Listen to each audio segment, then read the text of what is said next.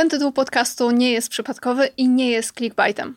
Mam dziś dla Ciebie kilka ważnych lekcji, które pomogą Ci zobaczyć, czy jesteś w duchowej sekcie, czy też nie. Czy nauczyciel albo przewodnik duchowy, od którego, nazwijmy to, pobierasz nauki, manipuluje Tobą i czerpie z Ciebie energię, czy w drugą stronę? Czy ta energia jest na E, poziomie równej wymiany. A cały ten odcinek oparty jest tak naprawdę o prawdziwą historię jednej z naszych znajomych, która po ośmiu latach bycia w społeczności duchowej zorientowała się w końcu, że rzeczywiście była w sekcie. To za jej zgodą tak naprawdę nagrywam ten podcast. E, chcę nim przede wszystkim zobrazować Ci na jakich e, mechanizmach kontroli, czy też nieświadomości, manipulacji, czy traumach bazuje guru sekty. Na początek jeszcze się przywitam. Cześć. E, witam Cię w 165. odcinku podcastu Wysokie Wibracje. Ja mam na imię Honorata i razem z Sylwią na tym kanale uczymy ludzkim językiem o rozwoju duchowym, pomagając Ci poszerzać świadomość o Tobie i o Twoim potencjale. Jeśli uznasz ten odcinek za przydatny, udostępnij go dalej, daj znać w komentarzu albo wyślij serduszko. W ten sposób jest szansa, że tym odcinkiem pomożemy komuś wyjść z jego uwikłania. Zwłaszcza, że dzisiejszy temat jest tematem, moim zdaniem, zamiatanym często pod dywan przez nauczycieli rozwoju duchowego. A dlaczego? Cóż, dlatego, że przecież może on rzucić ogromny cień na świat rozwoju duchowego oraz na różne osoby, szczególnie osoby, które mają dziś ogromne zasięgi, i które być może obserwujesz w tym środowisku. No bo przecież jako społeczeństwo mamy taką tendencję do wrzucania wszystkich do jednego worka, prawda? Jak polityk to na pewno kradnie, jak lekarz to na pewno nie leczy, jak ma kasę to na pewno ukradł i tak dalej. Więc jeśli sam czy sama masz tendencję do wrzucania wszystkich do jednego worka, to weź pod uwagę, że my ludzie, dopóki jesteśmy w ego, dopóki jesteśmy w uśpieniu, to my nie doświadczamy świata i ludzi takimi, jak, jaki, jacy oni rzeczywiście są. Doświadczamy świata i ludzi takimi, jakimi my jesteśmy. I na ile siebie poznaliśmy. I dopiero jak nam spadnie z oczu trochę zasłon iluzji, przede wszystkim gdy po, poznamy trochę mechanizmy własnego ego, to dopiero wtedy możemy powiedzieć, że coś tam widzimy, jakie mechanizmy rządzą też innymi. No więc ja zdecydowałam się tematu sekt naszych czasów pod dywan nie zamiatać, bo moim zdaniem to także nasze zadanie, jako osób wskazujących innym mm, pewne schematy, możliwości, ścieżki czy też potencjały, żeby przypominać o tym, że wszystko, co słyszysz od nas czy innych nauczycieli, przewodników, uzdrowicieli, i tak zawsze będzie i powinno wręcz być przyjmowane przez Twoje własne filtry. To Twoje czucie na Twojej ścieżce docierania do Twojego serca i do Twojego ducha ma kluczowe znaczenie. Nigdy nie ma jedynej słusznej ścieżki. Nie ma lepszych czy gorszych metod. I nawet jeśli ktoś działa z bardzo dobrych intencji, to tak naprawdę dopóki sam nie zmierzy się ze swoimi demonami, może nie wiedzieć, w jaki sposób wskazać Tobie najwyższy wymiar miłości. I kiedyś już nagrywałam odcinek o tym, e, po czym rozpoznać dobrego mentora. Więc nie będę też powtarzała tych aspektów, możesz sobie e, ten odcinek znaleźć, ale wspomnę o dwóch kluczowych. Otóż dobry nauczyciel nigdy nie wychodzi z roli ucznia i nigdy nie będzie próbował cię od siebie uzależnić, wmawiając, że tylko jego metody czy nauki są jedynymi słusznymi. Więc jeśli dziś masz tak, że zastanawiasz się nad czym, czy podjąć jakąś współpracę albo iść dalej z, jako, dalej z jakąś osobą, to sprawdź, czy ten człowiek sam pokazuje i mówi o tym, że jest cały czas w drodze. I czy też ma otwartość uczenia się od osób, które prowadzi. Ale też kolejny ważny aspekt przy okazji historii, którą Ci za chwilę opowiem, dotyczy tak naprawdę Twojej osobistej intencji wejścia na ścieżkę rozwoju duchowego. I niestety, niewygodna, czy też czasem taka smutna prawda jest taka, że wiele osób wchodzi w ten świat, dlatego że na początku wydaje się on być czymś lepszym od rzeczywistości, której doświadczamy w tu i teraz.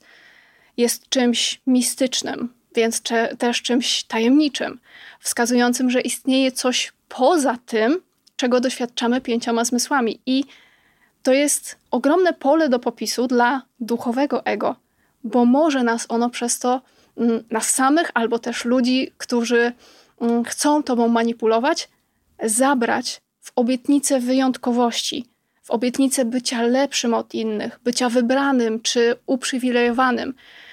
Taki motyw i intencja rozwoju prowadzi oczywiście ostatecznie do generowania jeszcze większego poczucia oddzielenia i następnych warstw iluzji. Dlatego warto już e, na podstawie chociażby tego wstępu, bo ja tak naprawdę dopiero zaczynam, zastanowić się nad dwoma kwestiami. Czy duchowość służy mi do tego, żeby uciekać od rzeczywistości i czuć się lepszym od innych? To jest pierwsze pytanie. Czy stawiam się wyżej Boga e, i wyżej zbawienia, tak bliżej zbawienia? Oraz skoro czerpię nauki od innych różnych nauczycieli, to czy ci nauczyciele sami nie ustawiają się w roli Boga i Zbawiciela?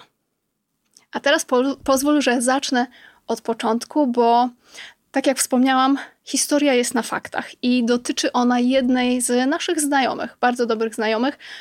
I na potrzeby tego odcinka nadamy jej na imię Milena. Imię jest zmienione, choć reszta historii jest w sumie niestety na faktach.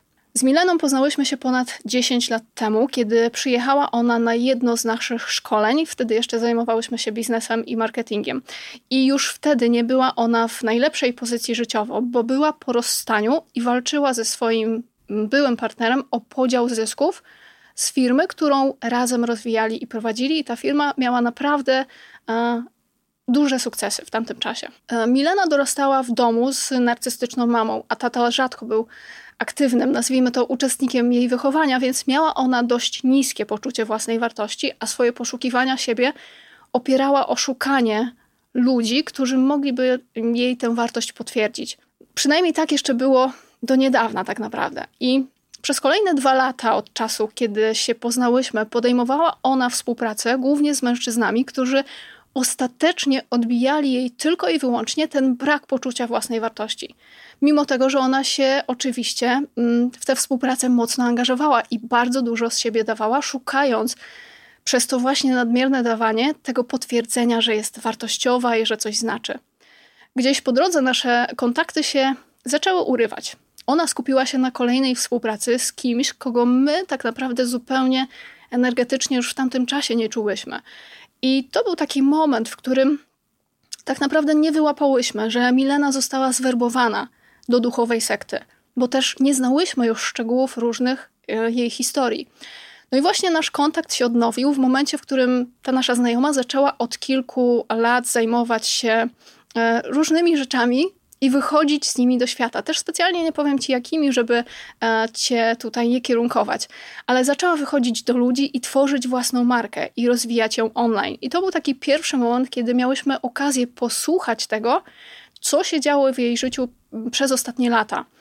I też wyłapać z różnych, e, no w sumie takich niepełnych informacji, że była ona w społeczności, e, która jej nie służyła Czyli ona tak naprawdę znalazła społeczność, z którą zaczęła mieszkać w jednym miejscu, no i ta społeczność z jakiegoś powodu jej nie służyła. Ten kontakt, kiedy się odnowił, zaczęłyśmy zwracać jej uwagę na pewne schematy z tej historii, którą nam opowiadała, i ten kontakt znów na kilka miesięcy się rozjechał. I znów po jakimś czasie, kiedy dowiedziałyśmy się od niej samej, że miała ona poważne problemy zdrowotne, które ciągnęły się tak naprawdę nie od wczoraj, ale od ładnych kilku miesięcy. Dowiedziałyśmy się, że dziewczyna w końcu zaczęła widzieć to, w czym rzeczywiście była. Więc Milena przez 8 lat żyła i mieszkała w społeczności pod Warszawą, w której regularnie odbywały się różne, nazwijmy to szamańskie ceremonie, które z pozoru miały na celu pogłębić świadomość uczestników, którzy się na takie ceremonie czy warsztaty zapisywali. Z tego, co od niej wiemy, ośrodek ten prowadzą osoby, tak naprawdę na które możesz trafić w internecie. To nie jest tak, że wszystko dzieje się za zamkniętymi drzwiami, tylko niestety dzieje się tak naprawdę pod naszym nosem. To jest także jeden z powodów, dla którego dziś ten temat poruszam, żeby wzmocnić Twoją uważność na coś, czego może nie widać na początku, co jest dość subtelne, podszyte pod płaszczykiem duchowości, a prowadzi do uzależnień i silnych zależności emocjonalnych czy też materialnych, a nawet seksualnych. Więc jak to tam wyglądało? Hierarchia wygląda następująco. Był, albo też nadal jest, guru, który przekazywał nauki przez siebie swoim uczniom. Był też najbliższy uczeń guru, również mężczyzna, oraz grono uczniów. Głównie to były kobiety. Żyją oni i mieszkają razem w ośrodku, który zewnętrznie wygląda jak stworzony na potrzeby warsztatów rozwojowych. Cała ta grupa zaprasza do siebie na różne ceremonie i szkolenia osoby z zewnątrz oraz podróżuje po świecie, żeby te rytuały czy szkolenia prowadzić e, w różnych miejscach na świecie. No i wszystko brzmi, powiedzmy, do tej pory jeszcze w miarę sensownie. Do momentu, w którym nie usłyszałyśmy, że w społeczności, w której Milena żyła, czy też mieszkała i pracowała, były bardzo restrykcyjne zasady i obowiązki. Przykład. Każdego ranka każdy z członków mieszkających w tym jednym miejscu musiał odprawiać medytację, czy też nazwijmy to modlitwy. Więc w miejscu, które zewnętrznie wygląda jak stworzone specjalnie na potrzeby szkoleń rozwojowych, jest po prostu ustawiony specjalny ołtarzyk i każdy z członków o 7 rano musi się stawić do grupowej medytacji, bo jak nie, to jest odnotowany jako niepraktykujący. Jak nie praktykujesz, to oczywiście jesteś wtedy słabszy, jesteś wtedy gorszy. To jest oczywiście schemat, który podświadomie pojawiał się u uczestników, którzy zwyczajnie nie mieli ochoty czy też siły stawić się o siódmej rano po wcześniejszych dniach pełnych zajęć albo ceremonii. Ale prawda jest taka, że to był jeden ze sposobów guru na trzymanie swoich uczniów w zajętości, żeby ci nie mieli czasu zajrzeć w siebie i pomyśleć o tym, w co są uwikłani, czym są i co się dzieje wokół nich. Każdy członek tej społeczności ma oczywiście zakaz spożywania mięsa, czy nawet przebywania w pobliżu produktów zwierzęcych, bo to w opinii guru zatruwa przepływ dobrej energii, co tak naprawdę dla umysłu osoby, która się rozwija, ma sens, prawda? Więc ciężko jest z tym dyskutować. Ale, jak się później okazało, tak naprawdę e, był to jeden ze sposobów na a. utrzymanie uczestników w poczuciu wyjątkowości i bycia wybranymi do spełnienia roli życia, oraz b. to był też sposób na osłabianie organizmów niektórych uczestników przez niedostarczanie im pełnowartościowego białka, bo tego białka roślinnego, jak się okazało, też nie było wystarczająco w domu, w którym mieszkali. Inicjacja to jest kolejny mechanizm kontroli, który się tam pojawiał. Członek społeczności dostawał w ramach tak zwanej inicjacji, poza całym takim rytuałem dołączenia do grona wybrańców, specjalny wisiorek. Uwaga, wisiorek to był też inny symbol orderu zasług. Nie tyle za postępy w rozwoju duchowym, co za wkład w społeczność, bo oczywiście ta osoba, która miała więcej pieniędzy, to miała inny wisiorek. Ten, kto dawał od siebie w domu więcej, ten miał inny wisiorek. No i mm, to było tylko powiedzmy na tym podstawowym poziomie, tak, że ten, kto nie miał pieniędzy, no to też miał inny wisiorek. Więc zobacz, jakie to są istotne i subtelne jednocześnie sygnały, że tworzenie typ, tego typu społeczności robione jest z niskiego ja. Wzmagające poczucie oddzielenia i podburzające tak naprawdę ludzkie ego, tworzące poczucie gorszości czy wyższości. Moim zdaniem jest to okropne. Jak ja słuchałam tej historii, to w pewnych momentach musiałam się naprawdę uważnie obserwować, żeby nie wybuchnąć. I tak naprawdę, jak przyjrzysz się bliżej różnym metodom, których być może sam czy sama się uczysz, to zobacz, w niejednej z tych metod trzeba przejść tak zwaną inicjację. No i tutaj warto sobie zadać pytanie, skąd to płynie? I czy nie jest to jakaś forma pieczętowania i oznaczania cię jako przynależnego do kolejnej grupy wyznawców, ograniczonego tak naprawdę ludzkim umysłem konceptu. Przyjrzyj się temu bliżej z otwartym umysłem i zobacz, czy brałaś albo brałeś udział w jakichś inicjacjach. Co dalej? Znajoma opowiadała nam też, że wśród kobiet panowała rewia mody i takie niepisane trochę konkursy na bardziej duchowy czy bardziej szamański strój. Kto miał na przykład większe pióra czy lepsze suknie, no to miał oczywiście większe uznanie u guru, tak? Pojawiał się mechanizm rywalizacji i zabiegania o względy u tak zwanego mentalnego czy też duchowego partnera. Zmagana była przez to ojcowska rana i poczucie odrzucenia. Oczywiście w społeczności, w której żyli wszyscy ci ludzie, panował patriarchat, więc guru i jego uczeń mówili, co należy zrobić, a kobiety oczywiście to robiły. Czyli usługiwały, gotowały, sprzątały, zajmowały się uczestnikami z zewnątrz, ogarniały organizację szkoleń czy ceremonii, e, nawet od przywiezienia kogoś z lotniska po sprzątanie wymiotów po ceremoniach z ayahuaską. Osoby będące w tej społeczności w większości były uzależnione, także materialnie od swojego guru, czyli jeśli ktoś miał dużo pieniędzy, to płacił mu za to, uwaga, żeby otrzymywać specjalne nauki. Guru utrzymywał przez to swoją pozycję, mówiąc, że tylko na niego spływają tego typu przekazy i tylko on ma pozwolenie e, pokazać te przekazy wybranym dalej. A kiedy ktoś nie miał pieniędzy, tak było w przypadku Mileny i nie umiał radzić sobie materialnie, no to był zobowiązany do służenia, czyli właśnie ogarniania spraw technicznych, gotowania, sprzątania. Ale też nic dziwnego, że wiele osób z tej społeczności nie umiała sobie radzić materialnie, skoro była w związku energetycznym z guru. Nasza znajoma podczas 8 lat bycia w sekcie przeszła ponad 500, tak przynajmniej mówiła, ceremonii z ayahuaską, nie wspominając już o ciągłym no i tak naprawdę nie wiem, czy paleniu, czy rzuciu rapę. Nawet nie wiem tak naprawdę, co się z tym robi. Do czego to wszystko prowadziło? Do ciągłego praktycznie odłączenia od ciała, do zerowego kontaktu z ciałem, a w konsekwencji do zakopywania dziecięcych ran, do wypierania emocji i ostatecznie do poważnych problemów zdrowotnych. No bo przecież bardzo dobrze wiemy, że emocje mieszkają w ciele, tak? Nawet też kiedyś poczyniłam wpis, który nazwałam Nie bój się latać, ale bój się odlecieć. Bo kiedy ta nasza duchowość jest taka odleciana i nie mamy ugruntowania, to tak naprawdę wpadamy w kolejną iluzję życia w wyobrażeniach, a nie w rzeczywistości i w rzeczywistych możliwościach tej naszej świadomej zmiany bycia w tu i teraz. No więc ta nasza znajoma, kiedy zaczęła się już tak bardzo źle czuć, to w końcu poszła do prawdziwego lekarza na badania. No bo oczywiście przez długi czas miała wmawiane, że guru, czy też zaprzyjaźnione e, szamanki, szamani ją wyleczą. Albo że sama ma się wyleczy, wyleczyć, ale oczywiście nie wyleczysz się przez świadomość, kiedy jednocześnie jesteś od świadomości odgrodzona, prawda?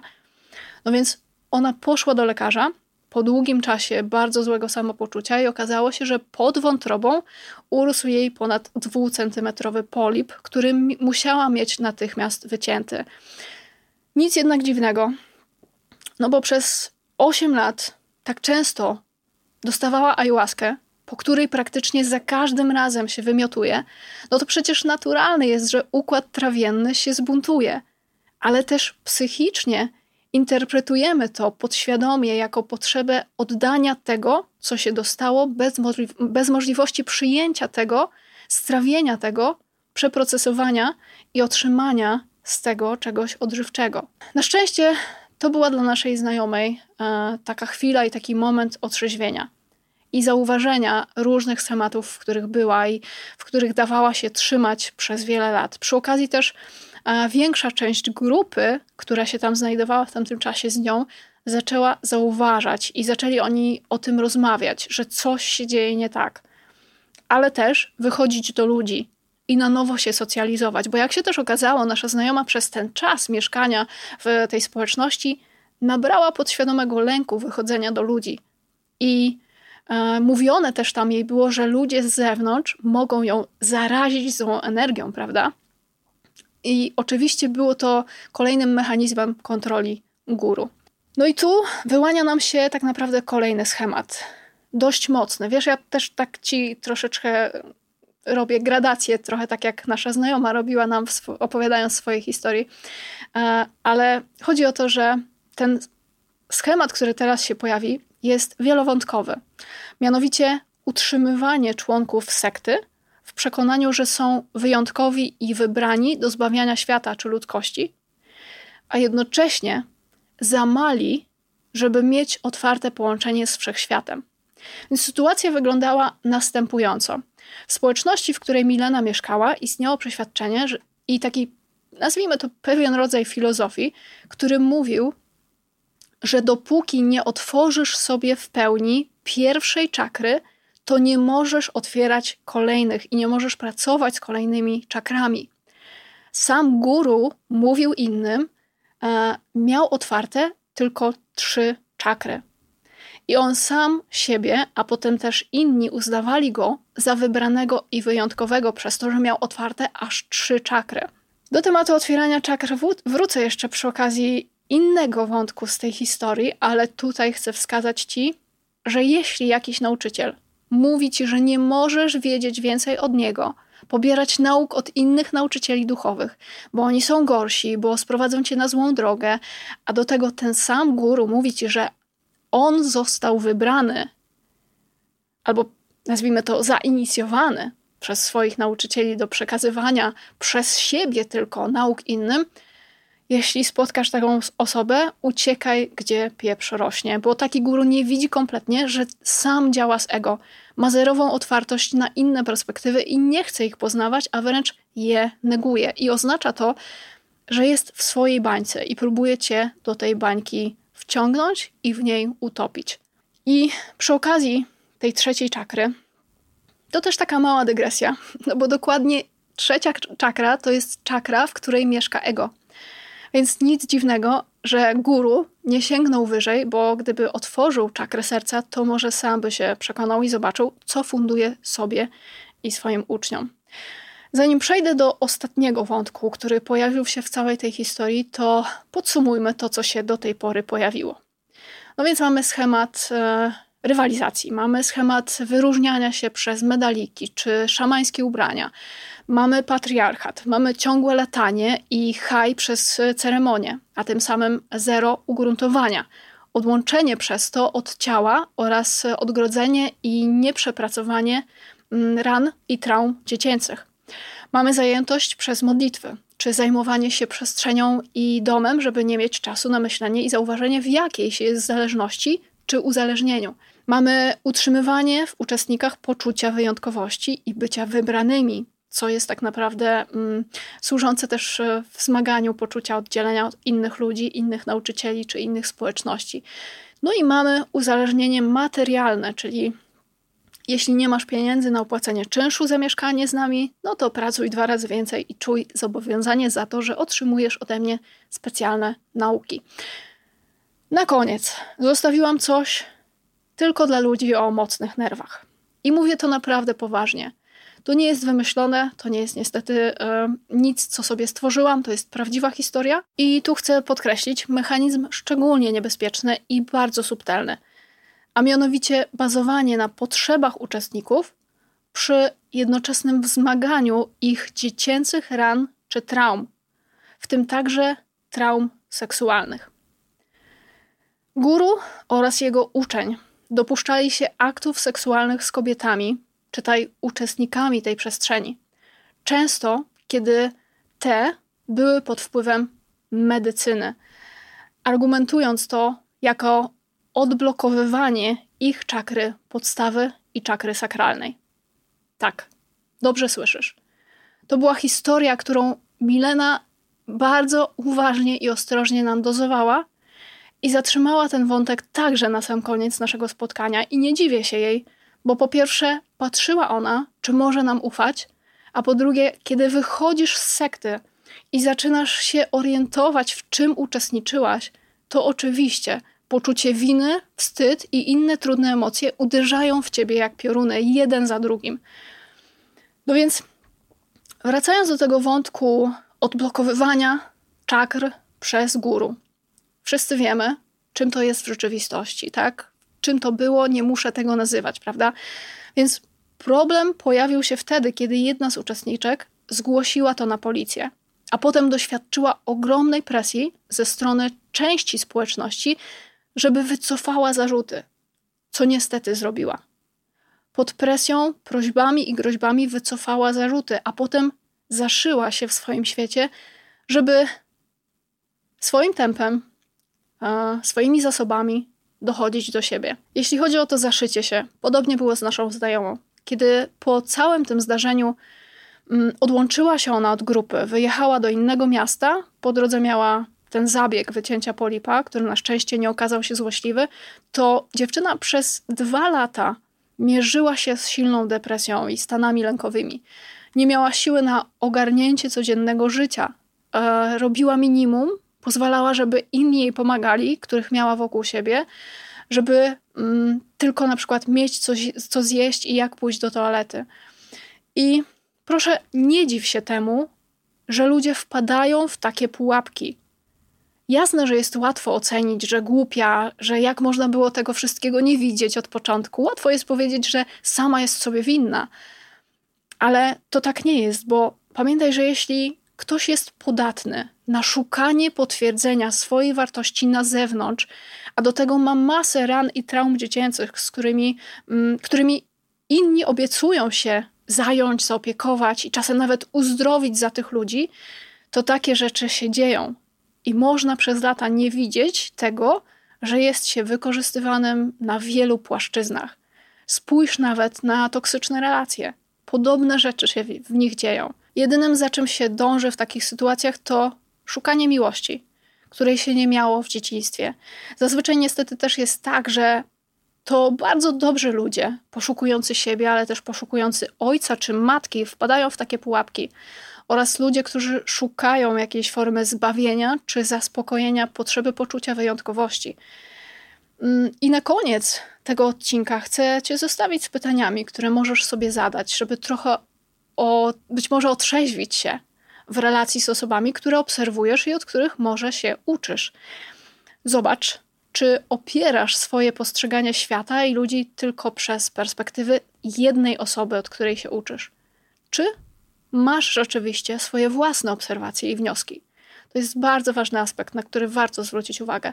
Ale też zwróć uwagę na to, czy dopuszczasz inne perspektywy niż tylko te, które przekazuje Twój nauczyciel czy Twoje życie i różne sfery Twojego życia rzeczywiście ulegają zmianie i poprawie, kiedy wprowadzasz w czyn otrzymane lekcje i praktyki. To również jest bardzo ważny aspekt.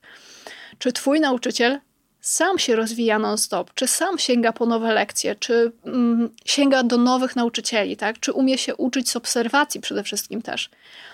Ale też jakie czujesz od tej osoby intencje, czy rzeczywiście czuć w tym człowieku ciepło, otwartość, dobro, czy może jednak jest zawiść, jest rywalizacja, jest wytykanie palcami, być może mówienie o innych nauczycielach źle, o innych ludziach pod płaszczykiem właśnie tej duchowości, czy nawet nazywaniem czegoś pseudoduchowością. To też są takie rywalizacje pomiędzy małymi ja. No i to są jasne sygnały, że twój nauczyciel sam jeszcze ma lekcje do odrobienia przed sobą. Ale też czy twój nauczyciel ma silną potrzebę nazywania nauk, które ci przekazuje, swoimi autorskimi metodami czy technikami? Tak, to też jest kolejny ciekawy i w sumie nieoczywisty mechanizm ego u guru, który sobie w ostatnim czasie obserwujemy.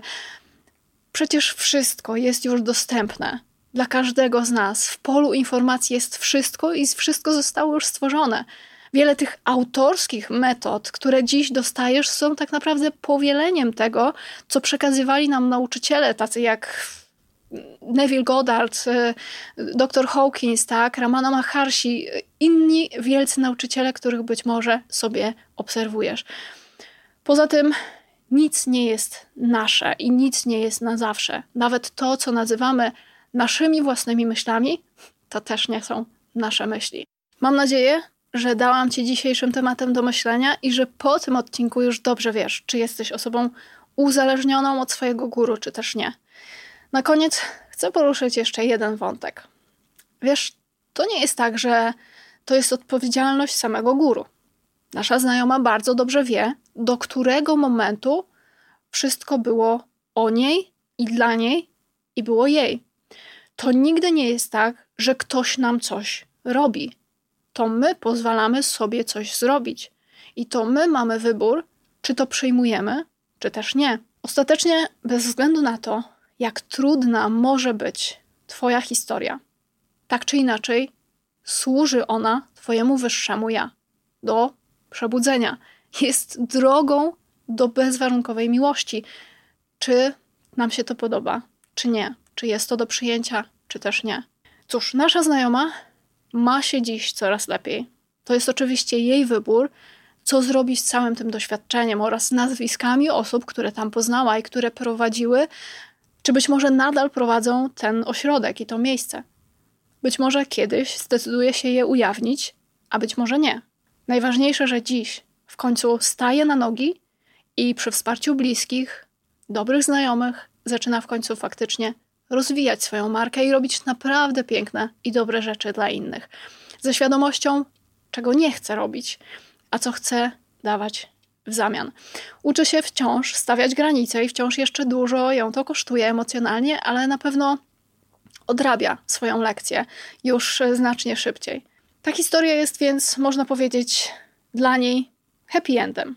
Ja osobiście mam nadzieję, że jej historia posłuży innym do przebudzenia się z iluzji uzależnienia emocjonalnego czy też mentalnego od pewnych osób, które stawiają e, się na swoim własnym piedestale czy ołtarzyku, bo pamiętaj, że jedynie ty sam i sama masz moc zmiany czy uzdrowienia swojego życia. Nikt nie zrobi tej pracy za ciebie. Dziękuję Ci i do usłyszenia w kolejnym odcinku podcastu Wysokie Wibracje.